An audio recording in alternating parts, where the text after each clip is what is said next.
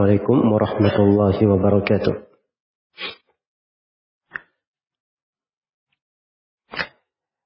إن الحمد لله نحمده ونستعينه ونستغفره ونعوذ بالله من شرور أنفسنا وسيئات أعمالنا من يهده الله فلا مضل له ومن يضلل فلا هادي له أشهد أن لا إله إلا الله وحده لا شريك له وأشهد أن محمدا عبده ورسوله. يا أيها الذين آمنوا اتقوا الله حق تقاته ولا تموتن إلا وأنتم مسلمون. يا أيها الناس اتقوا ربكم الذي خلقكم من نفس واحدة وخلق منها زوجها وبث منهما رجالا كثيرا ونساء. واتقوا الله الذي تساءلون به والأرحام إن الله كان عليكم رقيبا. يا أيها الذين آمنوا اتقوا الله وقولوا قولا سديدا يصلح لكم أعمالكم ويغفر لكم ذنوبكم ومن يطع الله ورسوله فقد فاز فوزا عظيما أما بعد. فإن أصدق الحديث كتاب الله وخير الهدي هدي محمد صلى الله عليه وسلم وشر الأمور محدثاتها فإن كل محدثة بدعة وكل بدعة ضلالة وكل ضلالة في النار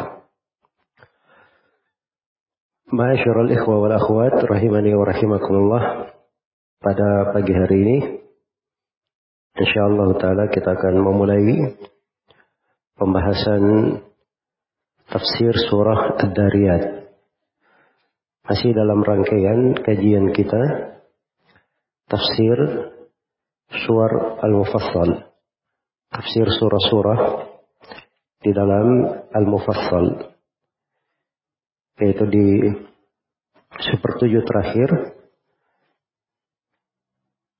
dari Al-Quranul Karim.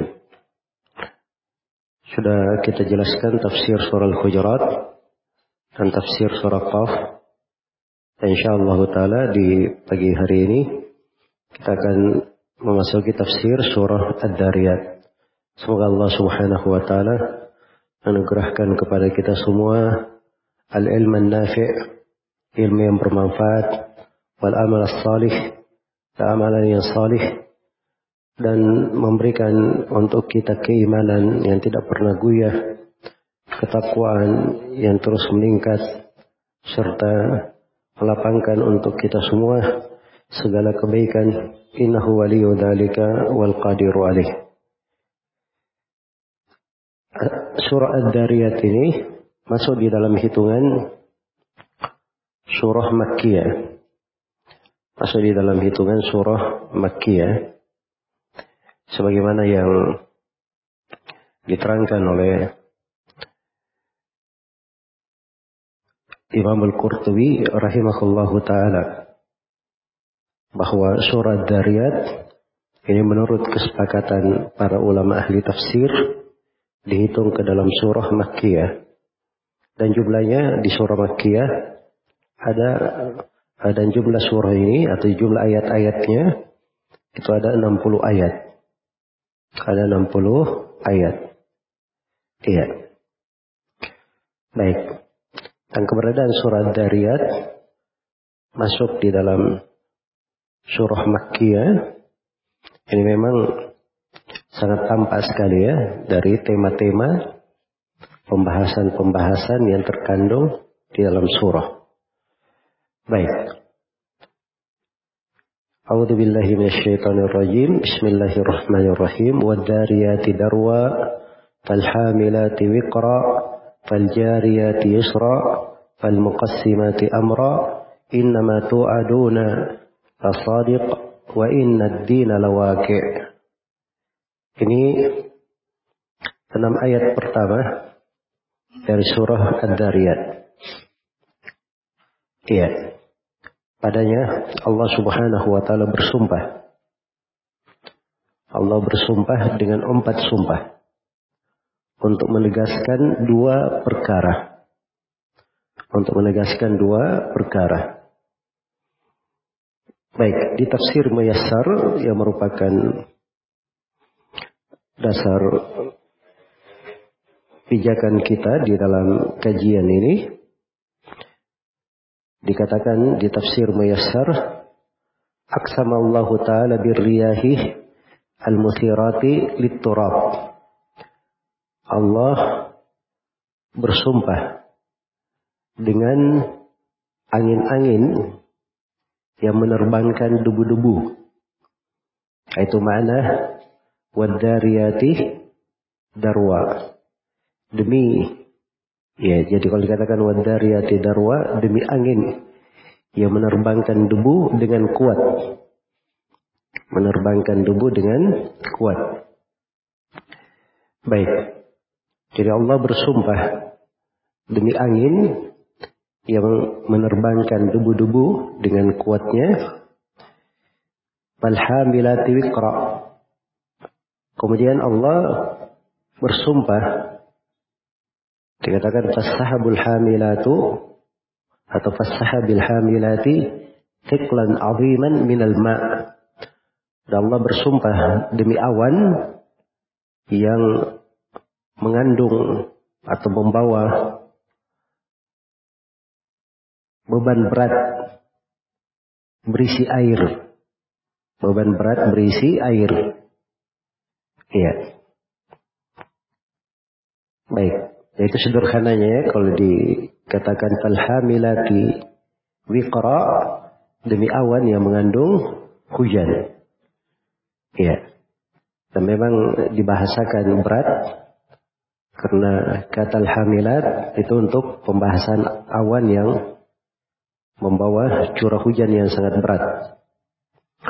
Faljariyati yusra dan demi perahu-perahu demi perahu-perahu atau kapal-kapal yang berlayar dengan mudah. Di tafsir Muyassar dikatakan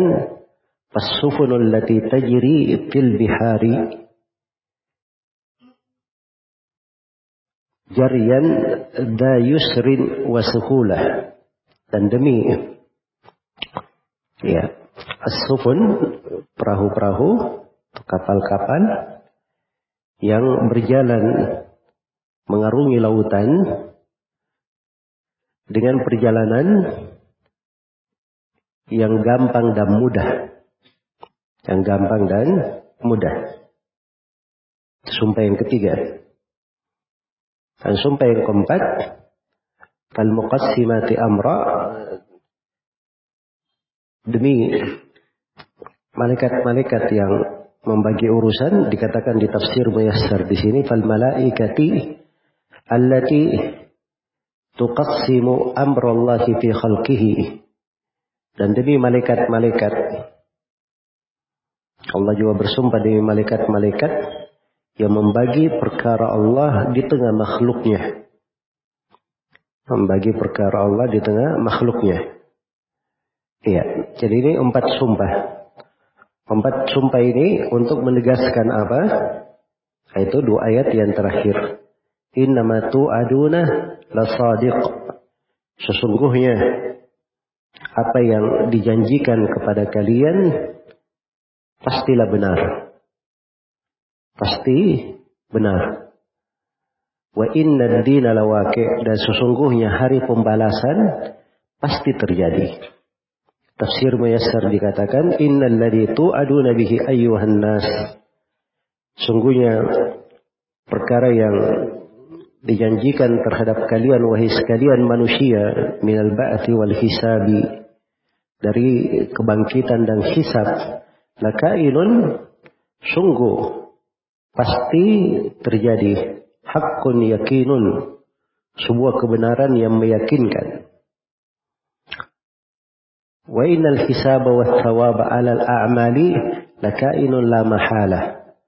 Dan sesungguhnya hisab dan pahala terhadap amalan-amalan pasti terjadi tidak bisa tidak. Pasti terjadi tidak bisa tidak Baik, ini tafsir yang disebut oleh para penulis tafsir Muyassar ini ringkasnya padat dan itu secara global mencocoki dari kalimat-kalimat yang diucapkan oleh para ulama ahli tafsir di tafsir ayat-ayat ini. Baik saya lebih detailkan. Dikatakan wadariyati darwa pakai wawu. Wawunya di situ sebut dalam bahasa Arab dengan wawu apa? Wawu al-qasam namanya, wawu sumpah. Wawu sumpah. Jadi bermana sumpah. Ada takdirnya kalimat sumpah sebelumnya. Jadi uksimu, aku bersumpah. Jadi walaupun tidak disebut di situ, di ayat, tapi itu sudah dimaklumi dalam bahasa Arab. Maksudnya Allah berfirman, aku bersumpah. Ya, jadi ini sumpah Allah. Ya, Allah bersumpah dengan empat perkara di sini. Yang pertama, ad-dariyat. Ad-dariyat sudah kita dengarkan ditafsirkan dengan ar-riyah. Ditafsirkan dengan angin-angin. Ya. Ditafsirkan dengan angin. Sudah kita singgung ya di berbagai ayat sebelumnya bahwa itu di dalam Al-Quran Allah bersumpah dengan sumpah-sumpah.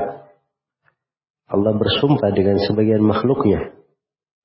Itu kehususan bagi Allah. Kalau kita makhluk, kita tidak boleh bersumpah kecuali dengan menyebut nama Allah kalau kita. Jelas ya? Karena kita makhluk hamba Allah. Kita bersumpah dengan nama yang dibesarkan itu hanya memakai nama Allah. Karena itu siapa yang bersumpah dengan menyebut selain nama Allah, maka itu masuk di dalam kesyirikan. Masuk di dalam kesyirikan. Ini kalau makhluk. Adapun Allah Subhanahu wa taala, Allah bersumpah dengan apa yang dia kehendaki dari makhluknya untuk menunjukkan keagungannya, kebesarannya. Nah, dan dipetik dari situ bahwa apa-apa yang Allah bersumpah dengannya di dalam Al-Quran itu menunjukkan sesuatu yang dibesarkan dan diagungkan di sisi Allah. Dibesarkan dan diagungkan di sisi Allah. Ketika Allah bersumpah qaf wal Qur'anil Majid demi Al-Qur'an yang agung, ini karena keagungan Al-Qur'an di sisi Allah. Jelas ya? Nah, ketika Allah Subhanahu wa taala bersumpah di sini dengan ad-dariyat angin-angin, nah ini menunjukkan angin ini besar di sisi Allah. Karena memang angin ini banyak manfaatnya bagi manusia.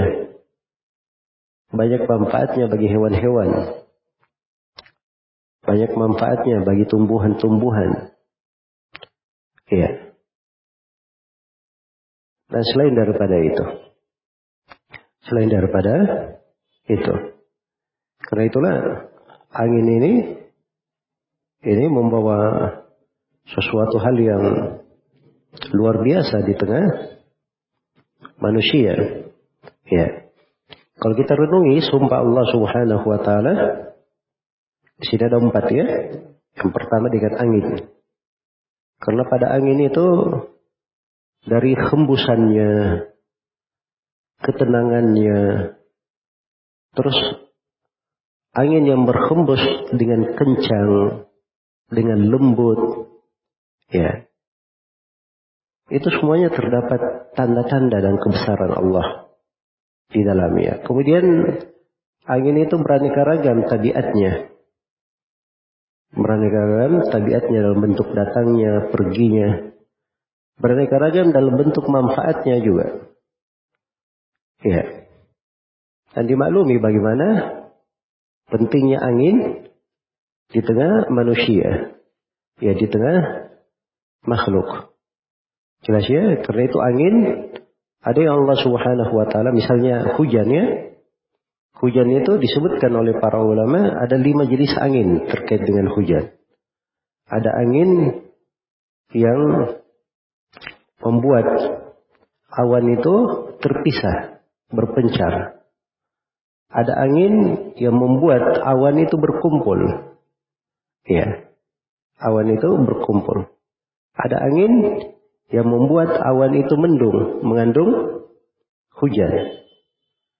Dan ada angin yang membuat awan itu menurunkan hujannya. Ya, menurunkan hujannya atau awan itu diarahkan di mana pun yang Allah Subhanahu Wa Taala kehendaki. Ya, karena itu pernah dengar ya kisah orang yang apa namanya sedang berjalan di sebuah tanah. Dan di sekitarnya ada kebun-kebun. Maka orang ini mendengar suara dari langit.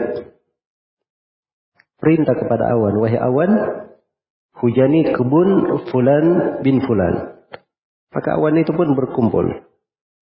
Mendung terus dia bergerak ke suatu tempat yang padat, ke suatu tanah yang keras.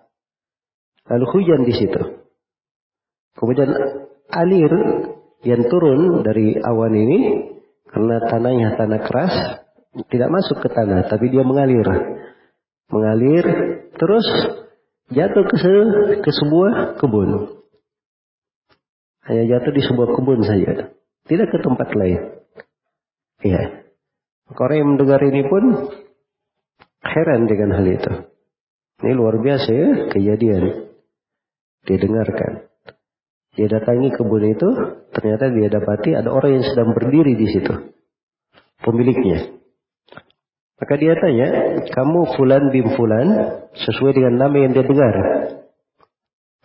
Ya, katanya ya benar, saya fulan bim fulan.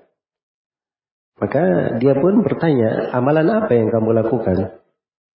Kok bisa dia diberi suatu hal yang spesial begitu istimewa sekali untuk dia? Masya Allah. Kebun orang-orang tidak ada yang dapat hujan, cuma dia saja dapat aliran khusus. Maka orang ini pun berkata, sepanjang kamu sudah berucap seperti itu, maksudnya dia tadinya tidak mau ditahu apa yang dia lakukan.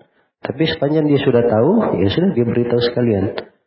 Dan saya kalau panen, hasil kebun ini saya bagi menjadi tiga.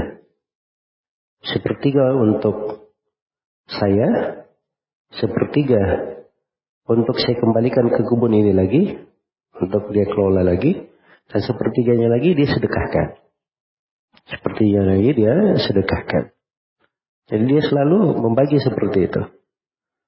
Allah Subhanahu wa taala memberikan untuknya kebaikan yang sedemikian rupa.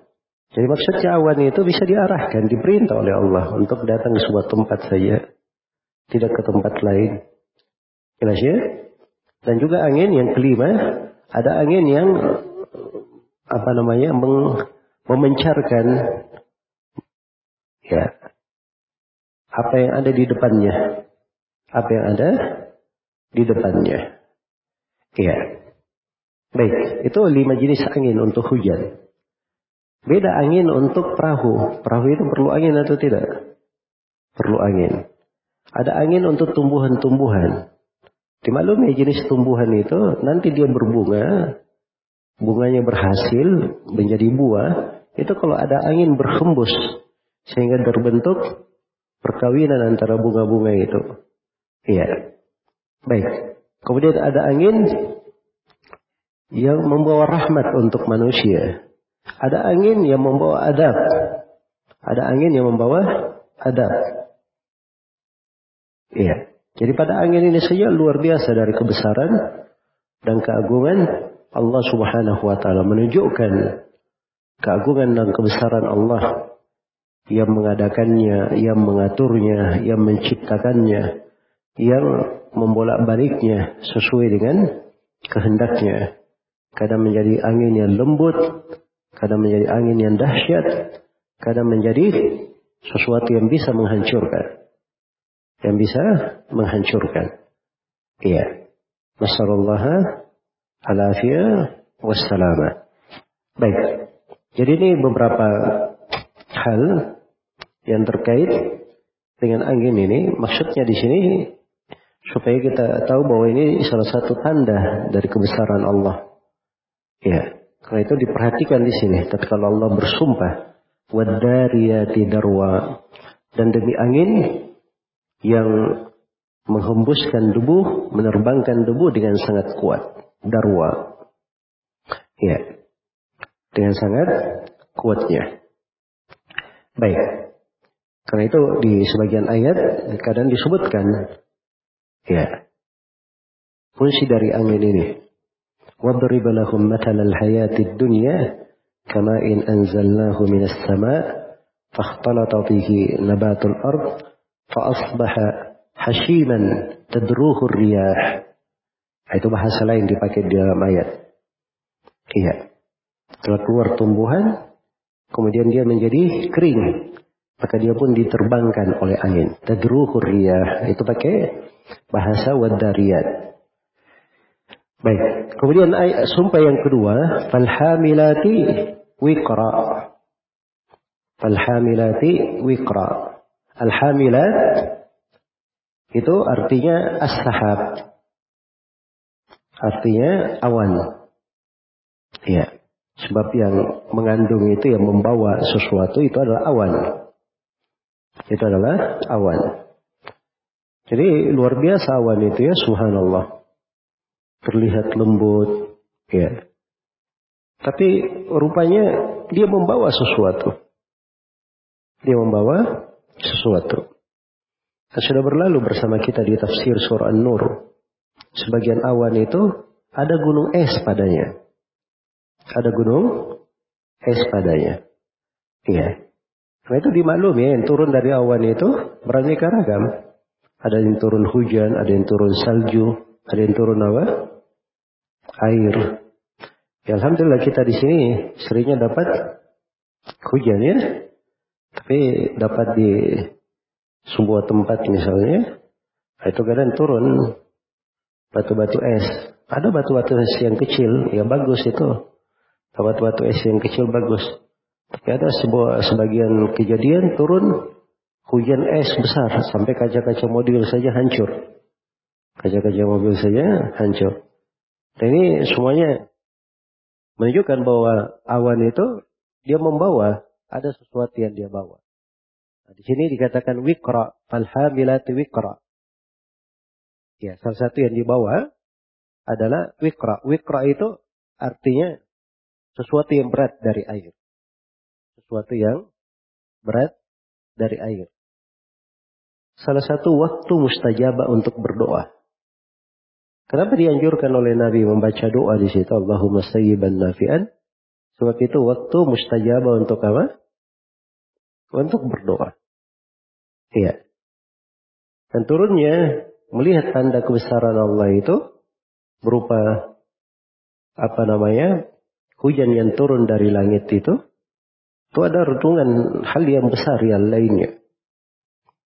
Di dalam sebuah hadis yang diriwayatkan oleh Imam Muslim dari Anas bin Malik pernah turun hujan di masa Nabi Shallallahu Alaihi Wasallam. Maka Nabi keluar.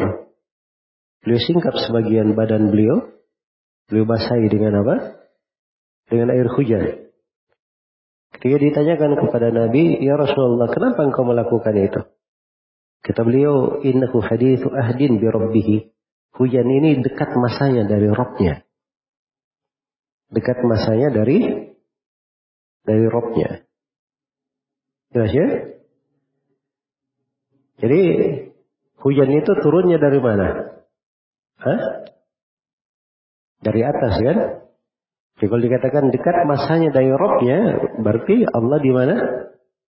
Di atas. Itu salah satu dalil yang dipakai di penetapan ketinggian Allah di atas langit. Jelas ya? Nah, itu dari Nabi Shallallahu Alaihi Wasallam di sebuah mana ubudiyah itu menunjukkan kecintaan kepada Allah, kerinduan kepada Robnya, kerinduan kepada Robnya. Jelas ya? Seorang itu kalau dia rindu pada suatu, kerinduannya itu, itu bisa aja. Apa hal yang terkait dengan sesuatu itu, kalau datang misalnya terlihat, itu seperti mengobati kerinduan dia. Mengobati kerinduannya. Iya. Jelas ya? Apa saja yang dia lihat? Seperti anak kecil misalnya yang ditinggal lama oleh ayahnya. Dia rindu sekali. Ya dia lihat baju ayahnya itu kadang terobati. Ya dia lihat misalnya makanan kesukaan ayahnya. Dia merasa apa? Terobati. Nah, itu kan bentuk kerinduan namanya. Jelas ya? Nah, ini bahasa yang seperti ini itu tidak kelihatan ya pada sebagian orang. Tapi orang-orang yang punya ubudiyah kepada Allah, penghambaan kepada Rabbnya, nah, itu dia baca dengan jelas. Itu asyuk, al-mahabbah. Ya. Dan berbagai bentuk penghambaan di situ dilakukan oleh Nabi Sallallahu Alaihi Wasallam. Baik, maka dikatakan demi uh, awan-awan yang mengandung hujan, membawa hujan, membawa hujan yang membawa beban yang berat berupa hujan. Kemudian sumpah yang ketiga, al-jariyati yusra. Demi al-jariyat. Al-jariyat itu artinya as-sufun. Perahu-perahu, kapal-kapal Nah ini menurut pendapat mayoritas ahli tafsir. Mayoritas ahli tafsir. Mayoritas ahli tafsir yang terdahulu maupun belakangan menafsirkannya seperti itu. Iya. Menafsirkannya seperti itu. Nah, itu disebut dari Ali bin Abi Thalib, dari Umar bin Khattab dan selainnya menafsirkan. Jadi jadi as-sufun perahu-perahu.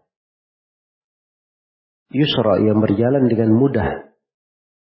Berjalan dengan gampang. Iya. Berjalan dengan gampang.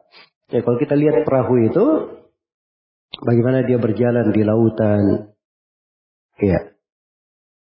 Dia membelah lautan yang sedemikian luasnya. Yang di atas perahu itu dibawa berbagai rezeki manusia, kehidupan manusia. Ya. Kehidupan manusia.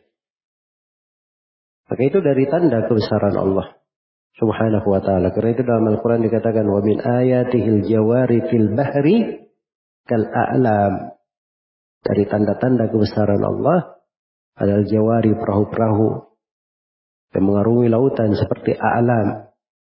Ya, tanda-tanda. Ya, wal fulka tajri fil bahri bi amrih dan tidakkah engkau melihat bagaimana perahu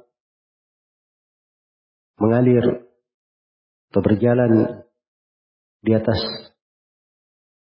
di atas lautan di amrihi dengan perintah Allah dengan ketentuan Allah Subhanahu wa taala. Baik. Itu kalau al-jariyat ditafsirkan apa tadi? Perahu. Dan itu penafsiran mayoritas ahli tafsir. Dari kalangan as-salaf dan setelahnya. Ada sebagian ulama yang mengatakan pendapat yang kedua. Wal jariyat ini maksudnya bintang-bintang. Demi bintang-bintang yang berjalan dengan mudahnya. Iya. Karena bintang itu disebut dengan al-jawari juga. Apa dalilnya? Ayat di surah At-Takwir. Pada uqsimu bil khunnas. Al jawaril kunnas. Iya. Sungguh aku bersumpah dengan al khunnas. Apa itu al jawaril kunnas? Al jawaril kunnas itu bintang-bintang. Jelas ya? Bintang-bintang. Nah ini penafsiran yang kedua ini ini yang dikuatkan oleh Syekhul Islam Ibnu Taimiyah rahimahullah. Dan beliau katakan ini lebih cocok dari sudut konteks ayat. Sebab rapi susunannya. Dimulai dulu dengan angin. Setelah itu di atasnya angin, awan. Setelah itu di atasnya awan, bintang. Itu kalau ditafsirkan bintang ya, maka rapi. Setelah itu bintang nanti yang keempat nanti, sumpah Allah dengan malaikat di atasnya lagi. Berarti ini susunannya lebih rapi. Ya lebih rapi. Karena itu beliau condong kepada pendapat yang kedua. Mengatakan faljariyati yusra demi aljariyat maksudnya bintang-bintang yang berjalan di langit. Karena di mana ya bintang itu tidak selalu di situ. Kadang dia pindah tempat. Nah, itu menunjukkan ada perjalanan. Ada perjalanan padanya. Baik. Dan dimaklumi bahwa bintang-bintang juga dari tanda-tanda kebesaran Allah subhanahu wa ta'ala. Itu keindahan Al-Quran ya. Kalau para ulama menafsirkan ini, menafsirkan itu, dan dua-duanya punya dalil, dan dua-duanya punya kemungkinan di dalam penafsiran, nah itu semuanya dibolehkan, tidak ada yang disalahkan. Tidak ada yang disalahkan. Jelas ya?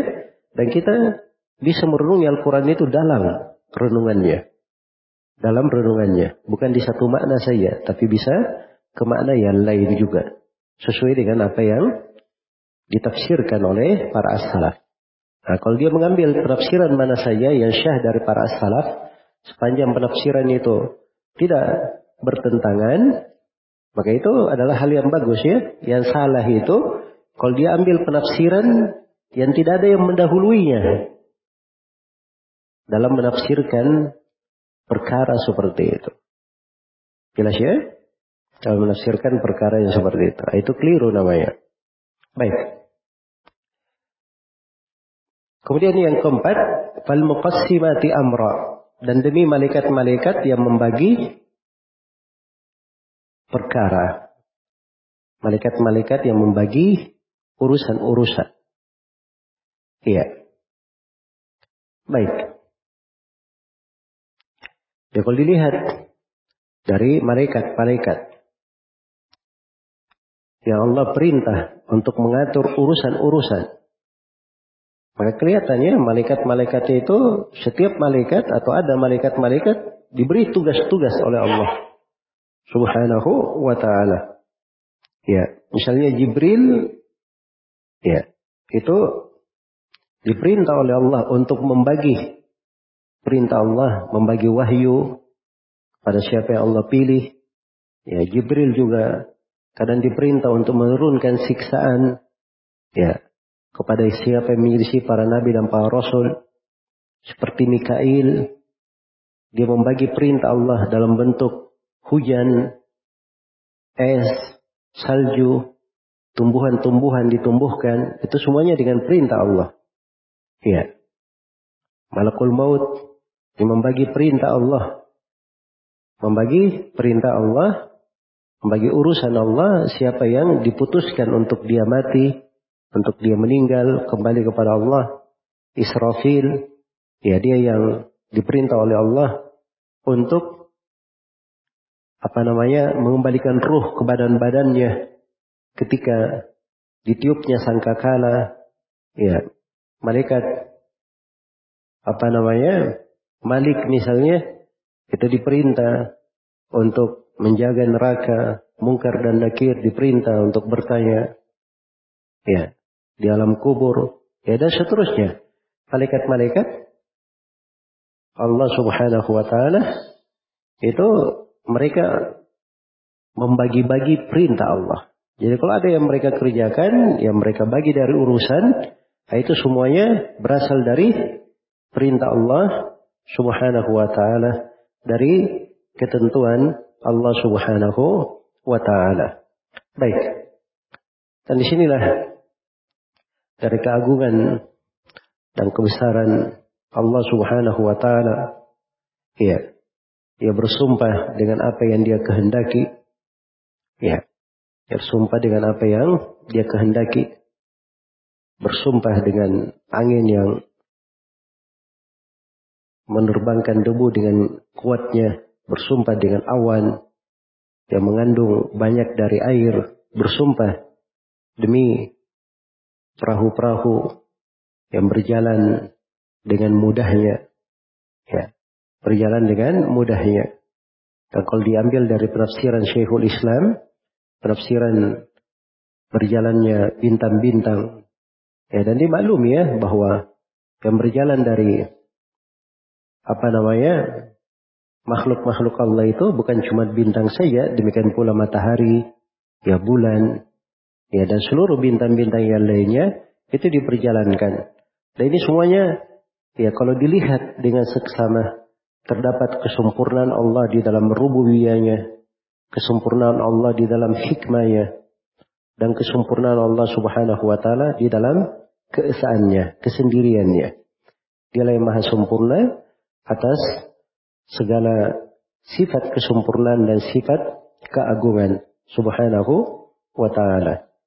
Ya, sebagaimana kalau kita melihat bagaimana para malaikat membagi perintah-perintah Allah Subhanahu wa taala ya dengan berbagi tugasnya itu luar biasa. Dari alam yang di atas dan di bawah di langit dan di bumi ya.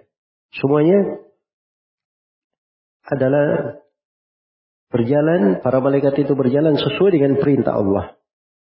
Sesuai dengan perintah Allah Subhanahu wa taala. Ya sesuai dengan perintah Allah ada yang di, diwakilkan menjaga wahyu, ada yang diwakilkan terhadap tumbuhan, ada yang diwakilkan terhadap hujan dan awan, ada yang diwakilkan terhadap mencatat amalan anak Adam yang sudah berlalu di surah Qaf, ada yang diwakilkan untuk mencatat apa yang ada di perut ibu, ya ada yang diwakilkan terhadap al-maut kematian, ada yang diwakilkan untuk menjaga gunung, Ya. Dan selainnya dari apa namanya kehidupan-kehidupan ini ada hal yang dikabarkan dalam Al-Quran dan Sunnah, ada hal yang tidak dikabarkan. Ada hal yang tidak dikabarkan. Dan semuanya ini dari perkara yang besar. Empat hal yang besar ini dari sumpah Allah yang agung ini, ini semuanya untuk menegaskan dua perkara. Ini namanya jawabul qasam. Ada ayat yang kelima dan ayat yang keenam. Innama tu'aduna tasadiq. Sesungguhnya apa yang dijanjikan kepada kalian itu adalah sadiq. Iya. Apa yang dijanjikan kepada kalian itu adalah perkara yang benar, hak dan suatu hal yang suatu hal yang meyakinkan.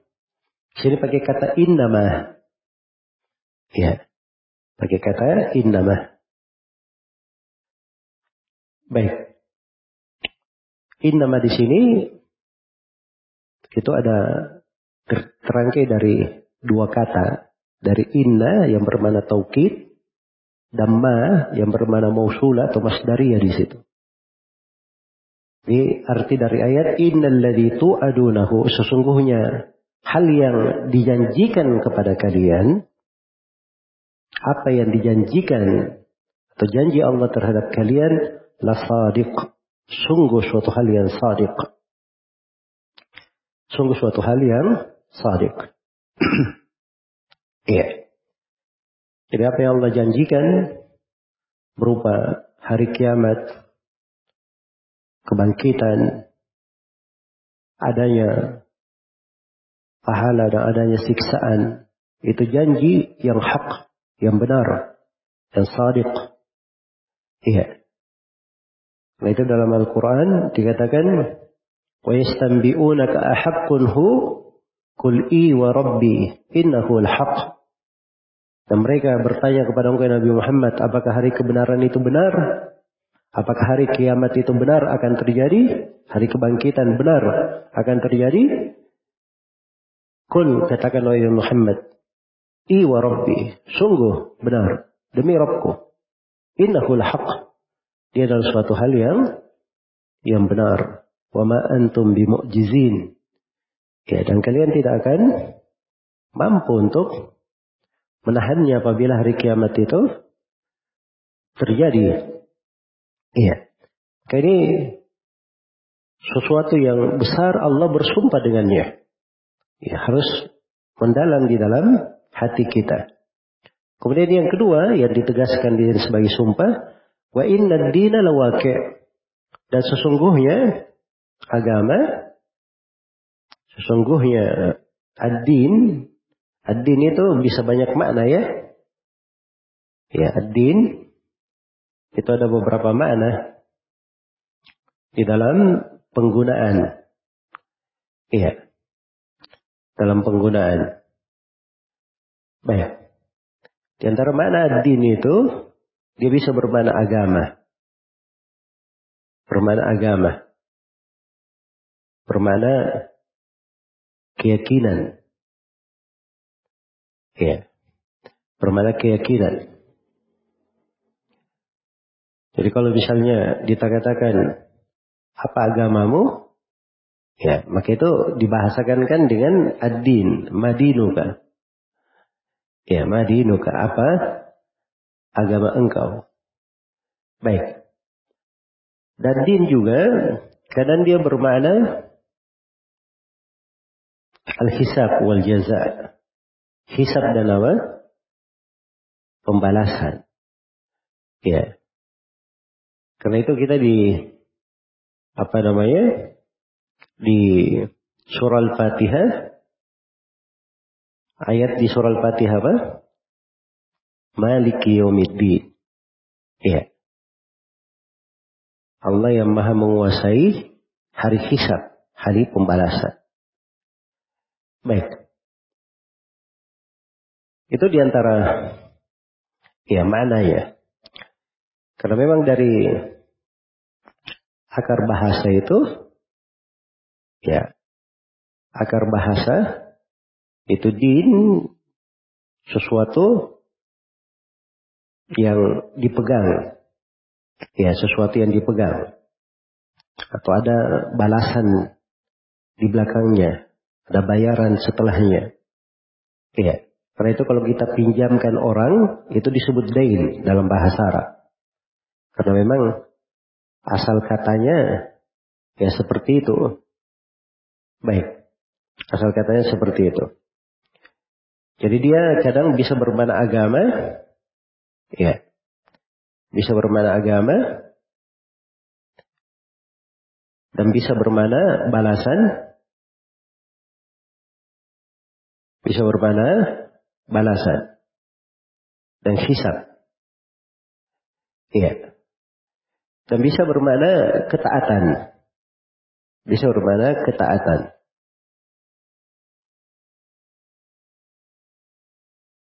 Baik.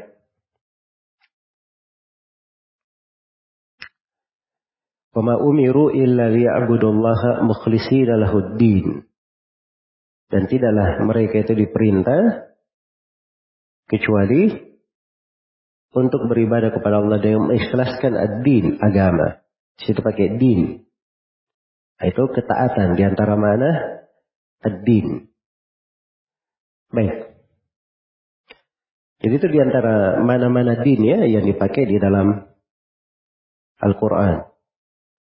Ya kalau antum mau apa namanya dapat pembagian-pembagian seperti itu, itu ada buku-buku seputar ulumul Quran. Khususnya di sini terkait dengan pembahasan mufradat Al-Quran. Itu bisa diketemukan di situ.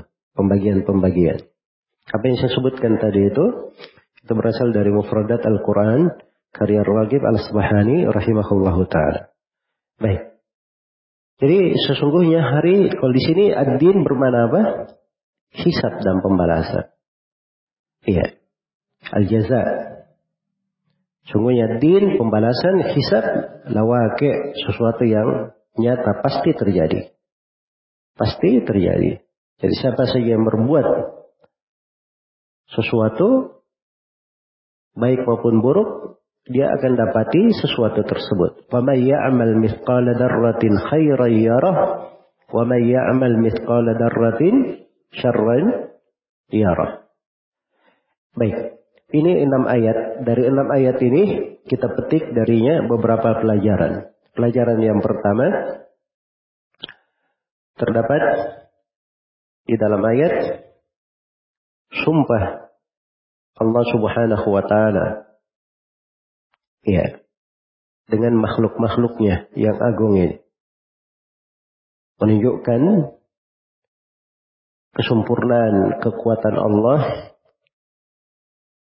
dan kesempurnaan nikmatnya serta hikmahnya. Kemudian yang kedua, terdapat bahwa Allah Subhanahu wa taala itu bersumpah dengan apa yang dia kehendaki dari makhluk. Yaitu kekhususan bagi Allah. Adapun makhluk dia tidak boleh bersumpah kecuali hanya dengan menyebut nama Allah saja. Hanya menyebut nama Allah. Siapa yang bersumpah dengan selain nama Allah, maka dia telah berbuat kesyirikan.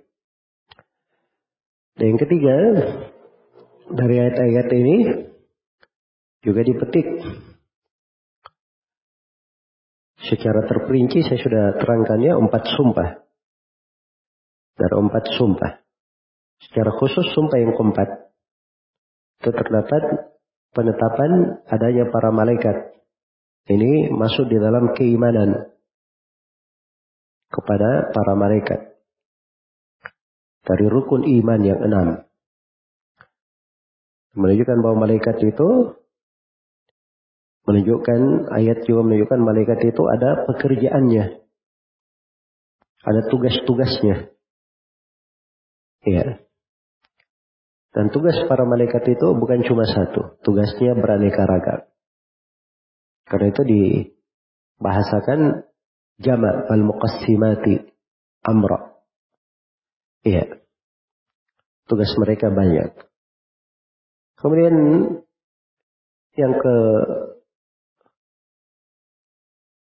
lima dari pelajaran yang dipetik terdapat penegasan akan kebenaran hari kiamat dan hari kebangkitan. Ya, dan ini dari pokok perkara yang ditegaskan di dalam surah-surah Makkiyah. Bantahan terhadap kaum musyrikin yang mengingkari hari kebangkitan. Karena salah satu agama kaum musyrikin, keyakinan mereka adalah mengingkari hari kebangkitan. Kemudian yang keenam terdapat penetapan adanya hari pembalasan dan hari hisab Iya. Yang ketujuh, dan terdapat bahwa hari hisab dan pembalasan itu pasti terjadi. Tidak ada yang bisa lari darinya. Dan ini peringatan besar ya. Peringatan besar.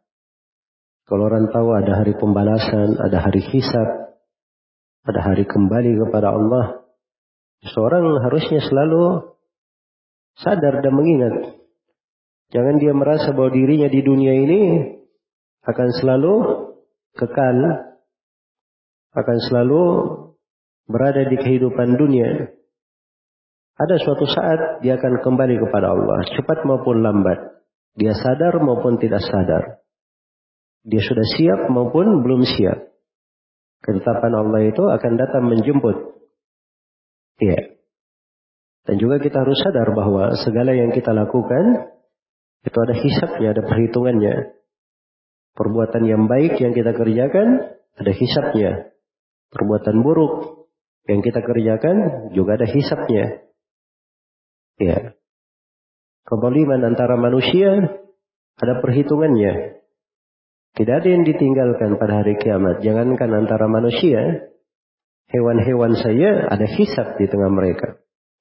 Diriwayatkan oleh Imam Muslim dari hadits Abu Hurairah radhiyallahu anhu Rasulullah sallallahu alaihi wasallam bersabda la tu'addunna al-huquq ila ahliha hatta yuqadu lisyatil jalha'i min syatil qarna sungguh hak-hak itu akan dikembalikan kepada pemilik-pemiliknya sampai kambing yang jalha yang tanduknya itu patah itu meminta pertanggungjawaban dari kambing korna, kambing yang bertanduk yang menanduknya. Ya, ya? Jadi hewan-hewan saya ada kisosnya, ada hisapnya. Apalagi antara manusia. Ya. Dan ini semuanya dari perkara yang dahsyat ya. Allah itu maha besar. Maha agung. Dan dia sifatkan diri yang seriul hisab. Sangat segera hisapnya. Syadidul iqab keras siksaannya. Nah itu bukan nama-nama kosong itu, bukan nama-nama belaka. Tapi itu semuanya akan terlihat dari kebenaran nama-nama Allah. Keagungan dan kesempurnaan Allah dalam nama-namanya akan terlihat di dunia maupun di akhir. Di dunia dan di akhirat. Semoga Allah Subhanahu wa taala memberi afiat kepada kita semua. Baik. Kemudian di uh, tujuh ayat berikutnya ini penjelasan sumpah yang lain untuk menegaskan hal yang lainnya. Wassama'i dhatil hubuk innakum lafi qawli mukhtalif yu'faku anhu man ufik qutilal kharrasun alladina hum fi ghamratin sahun yas'aluna ayyana yawmuddin yawmahum 'alan nari yuftanun. Iya. Baik. Jadi dikatakan di ayat wassama'i dzatil hubuk demi langit yang mempunyai al-hubuk akan datang nanti tafsirannya innakum lafi qaulin mukhtalif sungguhnya kalian benar-benar dalam keadaan berbeda pendapat ucapan yang berbeda-beda. Yu'faku anhu man ufik dipalingkan darinya dipalingkan dari Allah dan Rasulnya dari Al-Quran man ufik orang yang dipalingkan kutilal kharrasun. Ya. Terlaknatlah celakalah al-kharrasun. Orang-orang yang banyak berdusta.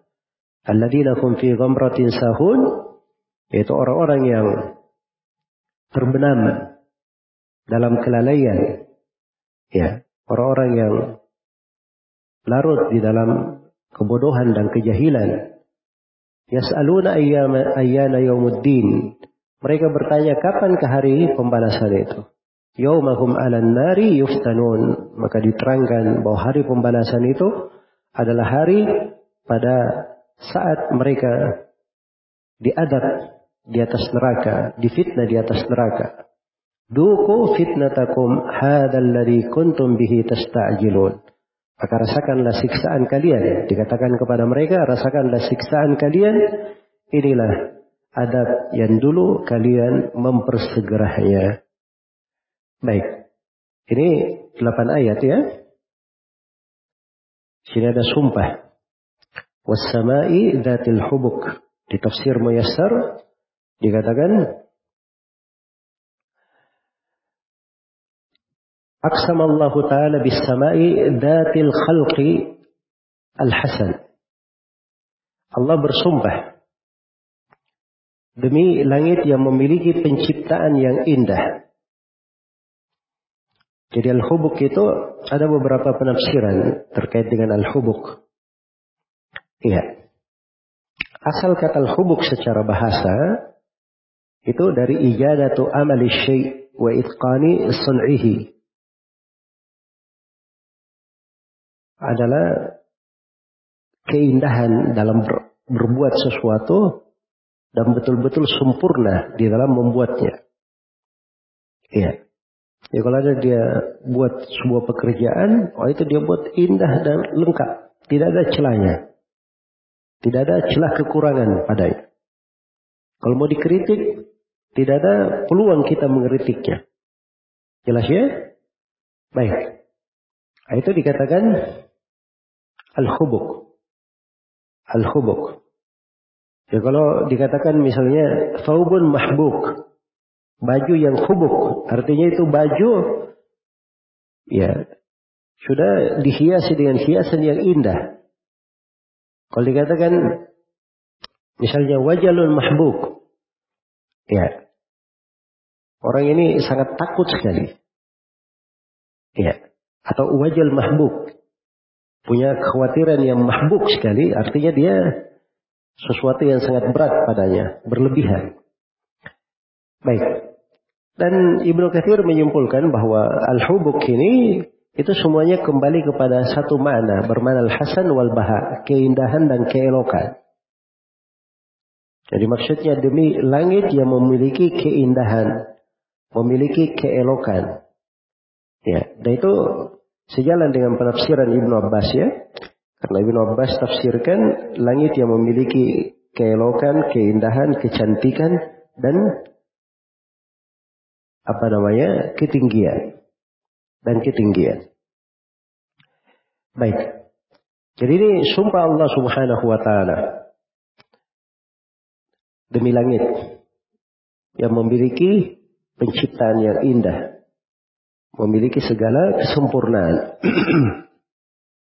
Iya, memiliki segala kesempurnaan. Di surah Al-Mulk Dikatakan alladhi khalaqa apa namanya? Alladhi khalaqa sab'a samawatin tibaqa ma tara fi khalqir rahmani min tafawut. Farji'il basara hal tara min futur. Dia menciptakan tujuh langit. Bersusun-susun. Bertingkat-tingkat. Tidakkah, tidaklah engkau melihat pada penciptaan Allah ada tafawut. Ada celah di situ. Ulangi. Kamu lihat adakah keretakan, adakah sesuatu yang retak di situ? Iya. ثم ارجع البصر كرتين ينقلب إليك البصر خاسئا وهو حسير Kemudian ulangi lagi, lihat dan lihat. Periksa lagi lebih saksama. Maka pandangan itu akan kembali dalam keadaan hina dan dia merasa rugi. Maksudnya dia tidak akan dapat celah apapun di situ. Kemudian Allah terangkan walaqad zayyana as-samaa'a ad-dunya bimasabiha wa ja'alnaha rujuman lisyayatin. Sungguh kami telah menciptakan langit dunia dengan misbah dan lentera dan kami jadikan kami jadikannya sebagai lemparan untuk syaitan-syaitan. Nah, ini langit ya punya keindahan, dihiasi. Ya. Itu banyak sekali ayat-ayat yang berbicara tentang hal ini. Nah, ini sumpah Allah. Sumpah Allah subhanahu wa ta'ala untuk menegaskan apa? Innakum lafi qawlin mukhtalif. Tafsir Muyassar dikatakan, Innakum ayyuhal mukadzibun lafi qawlin muttaribin fi hadzal Qur'an. Ya. Wa fi Rasul sallallahu alaihi wasallam. Sungguhnya kalian wahai para pendusta. Orang-orang yang mendustakan.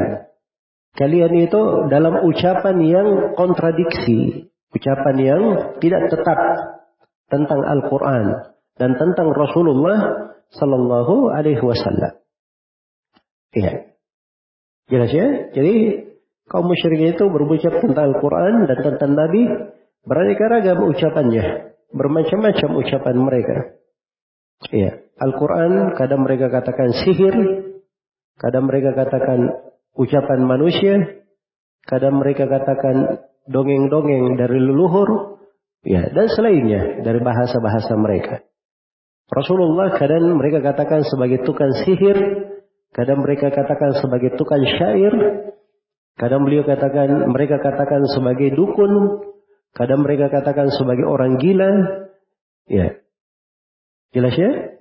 Dan berbagai ucapan yang lancang terhadap Nabi Shallallahu Alaihi Wasallam. Ucapan mereka beraneka ragam.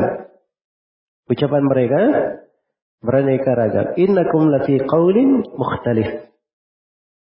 Tapi kaulin mukhtalif.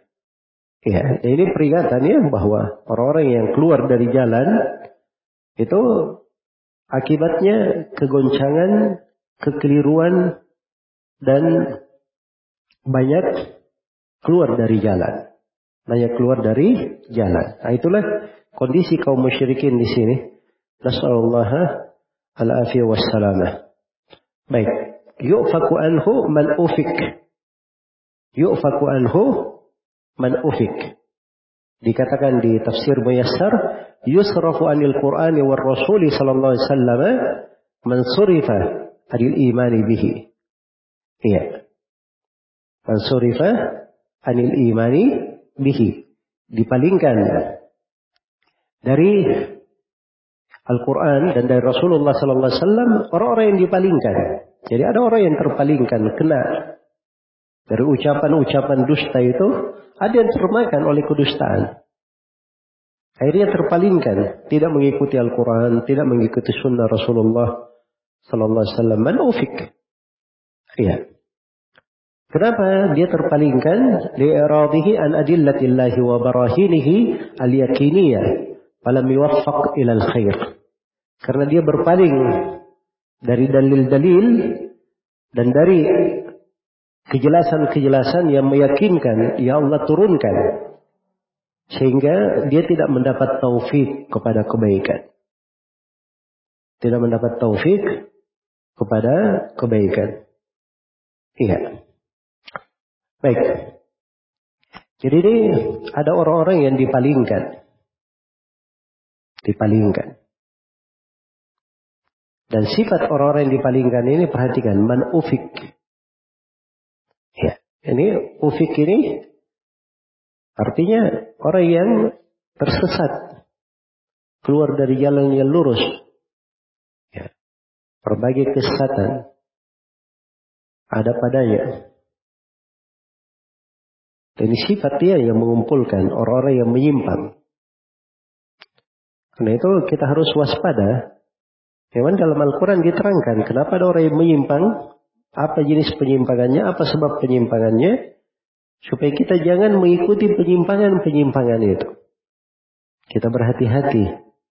Jangan tergolong dari hal tersebut. Ya kalau disebut misalnya kaum musyrikin Gaya mereka itu qaulun mukhtalif, ucapannya selalu berbeda-beda, maka kita tinggalkan hal yang seperti itu. Jangan ikut-ikut. Mencontoh sifat mereka. Kalau ingin berada di atas kebaikan.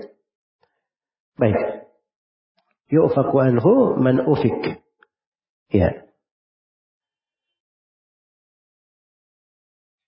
Dipalingkan darinya man ufik. Orang-orang yang dipalingkan ini. Orang-orang yang terpalingkan. Dan dia dipalingkan itu ada sebabnya. Ada sebabnya. Kutilal kharrasun.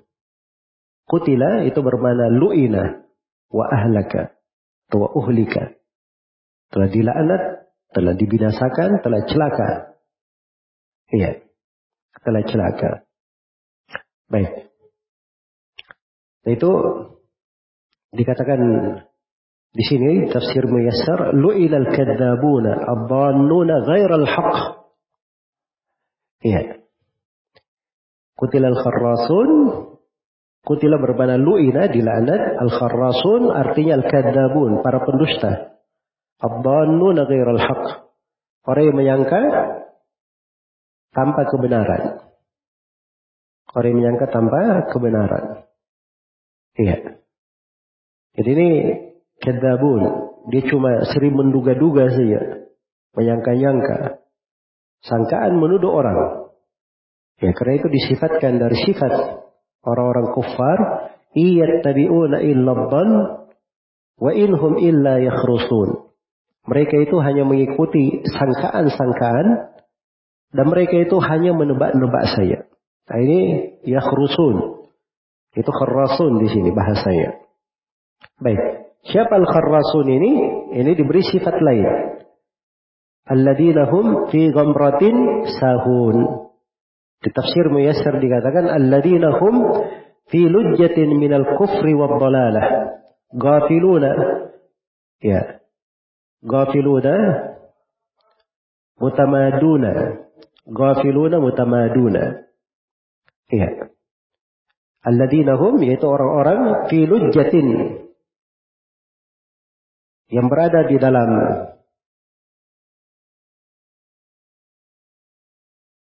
lujjah yang tenggelam di dalam lujjah. Lujjah itu seperti tempat dia berenang, berbenam di situ, tercelup di situ. Ya. Mereka berada di dalam celupan kekafiran dan kesesatan. Itu gomroh namanya. Ya gomroh itu memang di akar bahasanya itu bermakna al-ghaflah wal jahala. Lalai dan kejahilan. Lalai dan kejahilan. Iya. Baik. Dan itu kalau dibahasakan orang yang hatinya misalnya tertutup Orang yang hatinya tenggelam, ya. Bal qulubuhum fi ghamratin min hadha. Ayat surah Al-Mu'minun. Bahkan hati mereka digomroh dalam kesesatan, dalam kelalaian, dalam keraguan, kesyirikan. Ya nasallallahu al-afiyah. Alladzina hum fi ghamratin sahun. Sahun artinya Dikatakan di sini ghafilun, orang yang lalai, mutamadun. Ya, terus dia di atas perbuatannya. Ya. Namanya orang lalai dia. Santai saja. Dia lakukan itu biasa aja. Dia tahu. Tapi dia lalai.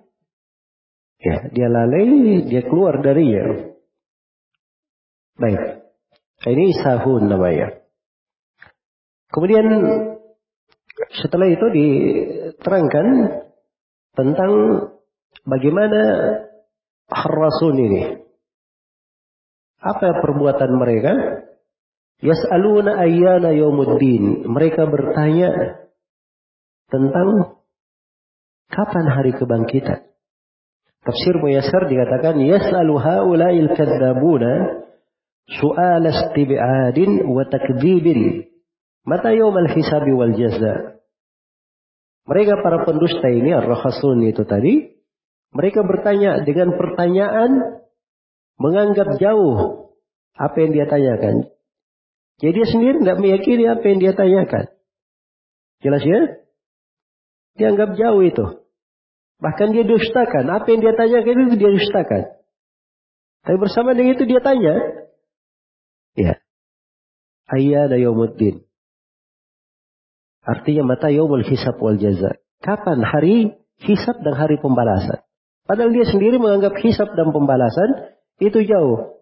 Bahkan dia dustakan hisab dan pembalasan. Ya, inilah al-kharrasun ini. Jelas ya? Orang-orang yang menduga dengan kebatilan. Ya, nasallallahu alafiyah. Karena itu seorang mukmin itu dia nggak ada bentuk praduga, prasangka. Nah itu dilarang oleh Nabi Shallallahu Alaihi Wasallam. Sudah berlalu etika dan adab ya. Ya, ya ayyuhalladzina amanu jitanibu katsiran minadh-dhann wahai orang-orang yang beriman, jauhi kebanyakan dari prasangka dari praduga. Ya. Iyyakum wadh-dhann fa inna adh-dhann akdzabul hadith. Hati-hati kalian dari praduga prasangka. Sebab itu adalah sedusta-dusta pembicaraan. Nah, ini prasangka yang seperti ini pasti masuk di dalamnya. Dari hal yang dicela ini bukan sifat orang-orang yang beriman. Jelas ya? Bukan sifat orang-orang yang beriman. Baik, jadi orang-orang kafir ini menganggap jauh hari kebangkitan. Nah, ini ada hubungannya ya dengan awal surah ini. Karena ini bantahan terhadap kaum musyrikin. Maka di dua ayat setelahnya diterangkan bantahan untuk mereka. Yaumahum alan nari yuftanun. Ya yaumahum 'alan nari yuftanun. Di tafsir Muyassar dikatakan yaumal jaza yaumun yu'addabuna bil ihraq bin nar. Hari kebangkitan yang mereka tanya itu, hari hisab yang mereka dustakan itu, itu adalah hari di mana mereka semuanya akan disiksa dengan cara dibakar dengan api. Jadi yuftanun fitnah diartikan apa? Diartikan adab di sini. Diartikan adab. Ini penggunaan kata fitnah ya. Apa itu fitnah? Dalam Al-Quran banyak penggunaannya. Fitnah kadang bermana adab. Disiksaan. Fitnah kadang bermana kesyirikan. Bermana kesyirikan. Iya. Jelas ya? Al-fitnatu asyaddu min al-qatl. Iya. Kemudian fitnah kadang bermakna ikhtibar, ujian dan cobaan. Ada berbagai makna ya dari fitnah itu disebut dalam Al-Quran. Ya cuman saya nggak ingin terlalu panjang lebar ya di dalam menguraikan mana-mana kalimat. Yang penting itu di sini. Ya, apa arti fitnah di sini? Fitnah di sini bermana adab. Jadi hari ad-din, hari pembalasan itu adalah hari mereka akan diadab di neraka, dibakar di dalam api neraka. Iya. Dibakar di dalam api neraka. Baik. Itu balasan Allah Subhanahu wa taala terhadap mereka. Mereka akan dibakar. Iya. Dengan api neraka wal billah. Ya. Kemudian di ayat yang terakhir dikatakan di sini, duku fitnatakum. Rasakan fitnah kalian. Maksudnya rasakan siksaan terhadap kalian. Kalian dibakar. Ya, ini sama ya dengan ayat innal ladina fatanul mu'minina wal mu'minati thumma lam yatubu falahum adabu jahannam walahum adabul hariq. Sungguhnya orang-orang yang memfitnah. Nah, fitnah di situ bermakna apa? Menyiksa, adab. Sebab ini kan kaitannya dengan ashabul ukhdud. Orang-orang yang diparit-parit itu kan disiksa. Tidak mau kufur dilempar dalam api. Jadi dia fitnah kaum muslimin, dia siksa. Kaum mukmin dan mukminat di dunia, mereka ini kalau tidak bertobat, maka untuk mereka adab neraka jahanam dan mereka mendapatkan siksaan yang membakar. Siksaan yang membakar. Iya. Nah ini di ayat ini dikatakan duku fitnatakum. Rasakan fitnah kalian. Jadi kalau bahasa Indonesia kurang ini ya. Kalau fitnah bahasa Indonesia kan biasanya orang berucap apa namanya?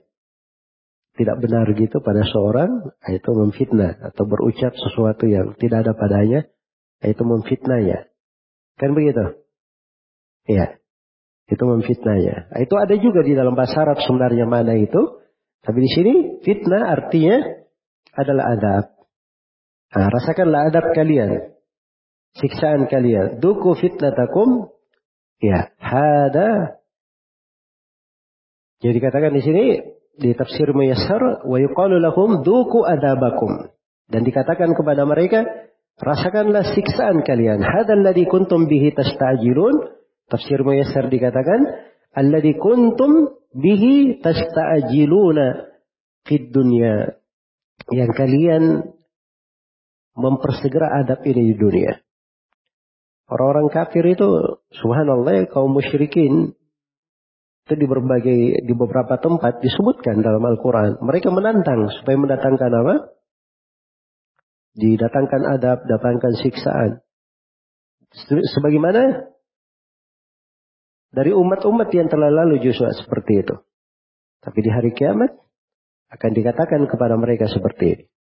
Ya mungkin di dunia ini tidak langsung disegerakan siksaan. Ada sebabnya. Ya. Di antara sebabnya misalnya penduduk Mekah sudah menantang Allah sedemikian rupa. Ya. Bahkan eh, tantangannya itu naudzubillah ya. Mereka berkata, "Wa Allahumma in kana huwa in kana hadha huwa al-haqqa min 'indik, famtir alaina hijaratan minas sama' wa itina bi adabin alim." Kata mereka, "Ya Allah, kalau memang yang dibawa Nabi Muhammad ini benar, kebenaran dari sisi Engkau, maka turunkanlah hujan batu dari langit. Atau datangkanlah siksaan yang pedih untuk kami. Ini luar biasa ya menantang Allah.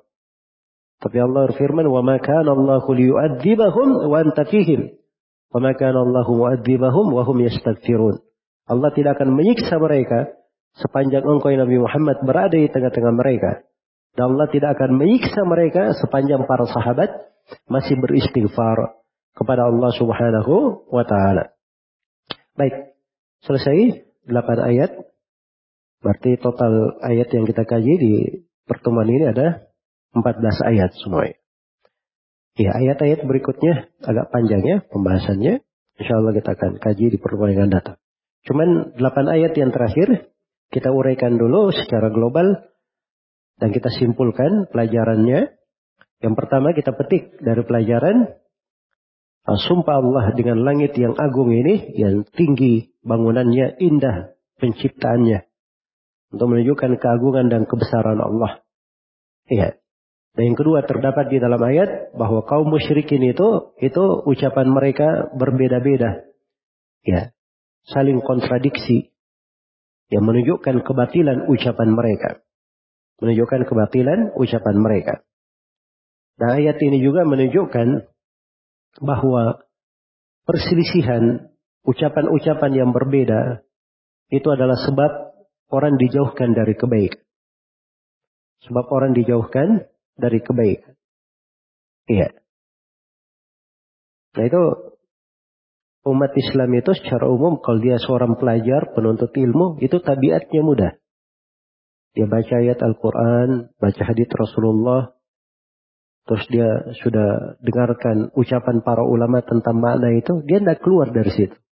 Dia tidak bikin aneh-aneh dengan pendapat baru, ucapan baru.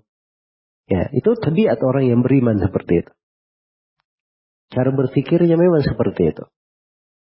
Dan itu gaya kehidupan mereka. Beda dengan orang kafir ya. Tapi qaulin mukhtalif. Selalu dalam ucapan yang berbeda-beda. Dan terdapat di dalam ayat ini, yu'fak anhu man ufik, dipetik dari ya, bahwa orang yang dipalingkan dari kebenaran itu, itu adalah orang yang, apa namanya, Allah subhanahu wa ta'ala telah tetapkan dia menyimpang dari jalan yang lurus. Dan penyimpangannya itu ada sebab-sebabnya. Ada sebab-sebabnya. Iya. Karena itu disebutkan dari sebab mereka alladzina hum fi ghamratin sahud. Orang yang dalam kelalaian, kejahilan dia selalu lupa. Ada kelalaian, kejahilan dan sebagainya. Iya. Baik. Kemudian terdapat juga di dalam uh, ayat laknat Allah Subhanahu wa taala terhadap orang-orang yang menduga-duga, ya, ber, berucap dusta, guna mengingkari kebangkitan dan pembalasan. Iya. Dan terdapat celaan orang yang lalai dan celah terhadap kejahilan. Ini kelalaian dan kejahilan ini, naudzubillah ya, dari hal yang paling banyak dicela di dalam Al-Quran. Iya kejahilan itu itu cukup ya menunjukkan keutamaan ilmu agama. Sebab di keutamaan menunjukkan keutamaan ilmu agama karena memang kejahilan dicela di dalam Al-Qur'an.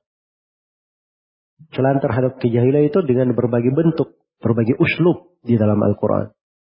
Bagaimana kelalaian itu juga adalah hal yang dicela akan kelalaian itu sifat pokoknya dari sifat pokok penduduk neraka. Ya. Insyaallah lafiyah. Dan terdapat bahwa orang-orang yang mendustakan hari kebangkitan itu pasti akan disiksa di hari kiamat. Karena orang yang mendustakan hari kebangkitan itu, itu hukumnya adalah kafir. Orang-orang kafir itu kekal dalam neraka orang-orang kafir kekal dalam dalam neraka. Za'amal ladina kafaru yub'atsu. Orang-orang kafir menyangka bahwa mereka tidak akan dibangkitkan. Mereka disebut kafir oleh Allah Subhanahu wa taala. Iya. Dan terdapat di dalam ayat takhwif. Diperingatkan akan bahaya api neraka. Kengeriannya. Dan seorang itu Jangan mendekatinya. Agar kita mengambil sebab-sebab yang menjauhkan dari api neraka. Dan sebaliknya kita mengambil sebab-sebab yang bisa mendekatkan kepada surga Allah subhanahu wa ta'ala. Baik. Selesai untuk tafsir 14 ayat. Pertama dari surat Dariyat. InsyaAllah ta'ala kita akan sambung nanti di pertemuan yang akan datang. Saya sangat yakin akan kebenaran risalah Nabi Muhammad sallallahu alaihi wasallam. Maka itu saya berusaha untuk selalu belajar akidah supaya keyakinan saya bertambah mantap. Tetapi syaitan sering datang membisikkan keraguan. Tapi saya selalu menepisnya. Apakah bisikan ini membuat saya seorang munafik? Bagaimana supaya terlepas sepenuhnya dari bisikan syaitan ini? Itu pasti ya kalau seorang hamba mengarah kepada kebaikan, apalagi dia dulunya ada background-background tidak bagus, pernah kenal akidah-akidah yang menyimpang. Begitu dia belajar jalan yang lurus, itu syaitan tidak mungkin senyum-senyum di situ. Jelas ya? Dia pasti akan memusuhi hamba itu. Dan akan membuat berbagai cara agar orang tersebut ragu ragu terhadap agama dan keyakinannya. Ragu terhadap agama dan keyakinannya. Iya. Maka kalau dipahami seperti itu, maka insya Allah Ta'ala itu cukup sebagai bekal. Jadi tahu saja ada musuh dia bernama syaitan. Allah telah mengingatkan hal tersebut. Allah berfirman, Inna syaitana lakum adu, fattakhiduhu aduwa. Sungguhnya syaitan bagi kalian adalah musuh, maka terus meneruslah kalian menjadikan syaitan itu sebagai sebagai musuh. Jadi memang kita diperintah untuk musuhi syaitan. Jangan dikatakan ya oh, oh kita kan diperintah berakhlak yang baik, banyak memaafkan, berbaik sangka. Ya betul itu, tapi itu tidak untuk syaitan. Kalau syaitan itu selalu dimusuhi. Kalau syaitan itu selalu kita berjelek sangka kepadanya. Walaupun dia bahasanya bahasa bagus. Kadang syaitan seperti itu ya, di was-was ya. Suara lagi beruduk, sudah selesai uduknya. Tiba-tiba datang syaitan. Kamu tadi kayaknya belum cuci tangan. Padahal dia sudah selesai wudhu. Kamu kayaknya tadi belum cuci tangan. Dilihat tangannya sudah kering. Iya juga ya. Kali ini saya sudah cuci tangan. Ah enggak, saya sudah selesai wudhunya. Datang lagi syaitan. Ya fulan, kamu warok sedikit. Warok, katanya. Ya kan lebih apa susahnya kamu pergi wudhu lagi berulang. Supaya lebih hati-hati. Itu bahasa syaitan cantik itu. Eh? Kalau syaitan kasih bahasa seperti itu, jangan pernah berbaik sangka kepada syaitan. Jangan apalagi bilang, oh syaitan ini jago juga fikih ya. Nah itu syaitan selalu menyesatkan manusia. Jelas ya? Karena itu di bab seperti ini, jangan diikuti syaitan di situ. Ya, sepanjang dia sudah selesai. Karena itu ada kaidah di bab fikih. Orang kalau sudah selesai dalam sebuah ibadah, lalu ada keraguan, maka keraguan itu tidak ditoleh lagi. Jangan menoleh ke sana. Dia sudah selesai wudhu, dia sudah cuci kaki, dia anggap ada yang belum dicuci, nah itu asalnya sudah lewat. Karena asalnya dia sudah lewat. Sudah selesai kan begitu. Jelas ya? Nah, ini pernah kejadian terjadi pada Imam Al-Awza'i. Rahimahullah. Jadi syaitan datang berucap seperti itu. Kata Imam Al-Awza'i apa? Ya, alal mudda'il bayyinah. Ya, terhadap orang yang menuduh saya kurang, hendaknya dia bawa bukti. Kalau tidak ada bukti, maka saya tidak terima. Nah, itu cara-cara mereka di dalam menghadapi syaitan. Baik. Dan syaitan itu selalu membuat orang ragu dalam akidahnya, keyakinan seorang muslim. Karena itu di hadits Abu Hurairah riwayat Bukhari dan Muslim, Rasulullah SAW bersabda, "Ya'ti syaitanu ila ahadikum." Syaitan itu mendatangi salah seorang di antara kalian. Lalu syaitan berkata apa? Bagus bahasanya awal. Man khalaqas sama, siapa yang menciptakan langit? Siapa berkata Allah yang menciptakannya. Tanya lagi sama syaitan. Siapa yang menciptakan bumi? Hamba menjawab Allah yang menciptakannya. Terus dia tanya, siapa yang menciptakan ini, menciptakan itu, menciptakan ini, menciptakan ini. Ya si hamba ini. Terus menjawab Allah, Allah, Allah. Nah, setelah itu masuklah syaitan dengan syubhatnya. Kalau begitu siapa yang menciptakan Allah? Nah, ini sudah subhat syaitan. Jelas ya? Nah, kalau dapat subhat syaitan seperti ini, apa obatnya? Nabi beri obat tiga. Kata Nabi Shallallahu Alaihi Wasallam, "Palian tahi." Satu, hendaknya dia berhenti. Berhenti, jangan dia layani syaitan di situ, jangan dia gubris. Itu cara pertama, jangan dia gubris. Ya, kalau diberi bisikan, tidak usah dia perhatikan. Mengganggu itu sebentar. Dia tidak perhatikan nanti akan hilang. Kemudian yang kedua, wal yasta'id billah wal yaqulu amantu billah. Dia berkata saya beriman kepada Allah. Dia, dia bilang amantu billah, saya beriman kepada Allah. Ya, banyak dia ulangi. Kalau misalnya ada keraguan muncul lagi dia bilang amantu billah. Kemudian dia membaca a'udzu billahi minasyaitonir rajim. Itu tiga. Jadi dia berlindung kepada Allah dari gangguan syaitan, dia berhenti, dan dia berkata apa? Aman billah. Maka dengan itu insya Allah ta'ala akan aman perkaranya. Akan baik segala perkara. Nah, ini memang perlu selalu diulangi, selalu diperhatikan. Ya, selalu diperhatikan agar supaya seorang itu berada di atas kebaikan. Mm -hmm. Kalau masuk masjid nggak boleh buru-buru seperti itu. Baik. Ini pertanyaan yang lain. Jangan ada bersuara ya anak-anak kecil. Jangan yang bersuara. Apa saja sebab yang bisa dilakukan oleh seorang perempuan supaya mendapat naungan arsy Allah pada pada mahsyar? Apakah misalnya dalam hadis tujuh golongan yang dinaungi oleh Allah mencakup perempuan? Iya ya, semua yang disebut di dalam hadis sabatun yudhilluhumullahu tahta dhilli yauma la dhilla illa dhilluh. Ada tujuh golongan yang dituduhi oleh Allah di bawah teduhan arsy Hari di mana teduhan, tidak ada teduhan kecuali teduhan Allah Subhanahu wa taala. Iya. Hari di mana tidak ada teduhan kecuali teduhan Allah Subhanahu wa taala. Kan disebut imam adil. Iya. Itu bukan dilihat pada laki-lakinya, tapi dilihat pada sifatnya, keadilannya. Ya kalau ibu rumah tangga misalnya, dia di antara anak-anaknya juga berlaku adil, dia masuk di dalam hadis. Dia masuk di dalam hadis. Demikian pula orang yang bersedekah, orang yang cinta karena Allah, orang yang hatinya terkait dengan masjid, selalu ingin pergi talim, kalau ada kajian ingin dia datang. Ya, misalnya, itu kan ada keterkaitan hati. Kalau dia sendiri, dia mengingat Allah, menetes air matanya. Itu berlaku untuk laki-laki dan perempuan. Nah, itu disebutkan oleh Al-Hafidh Ibnu Hajar rahimahullahu taala dan selainnya. Baik ini pertanyaan yang terakhir, saya pernah mendengar ada orang yang bisa mengobati penyakit seseorang dengan cara memindahkan penyakit tersebut kepada ayam. Apakah ini termasuk perdukunan? Apa hukumnya? Ya kalau bukan perdukunan apalagi namanya? Kalau bukan perdukunan namanya apa? Iya. Jelasnya orang sakit tiba-tiba sakitnya dipindah ke ayam. Iya.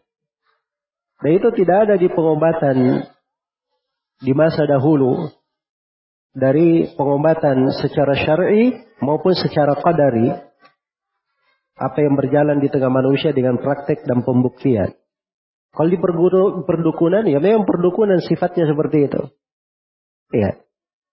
Dan kadang yang menjadi fitnah orang-orang yang seperti ini, kadang dia muncul, dia baca kalimat-kalimat dikir, dia tampil dengan penampilan disebut ustadz juga.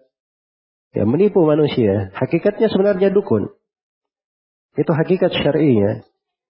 Semoga Allah Subhanahu wa taala menjaga kita semua dari segala kejelekan. Wallahu taala a'lam.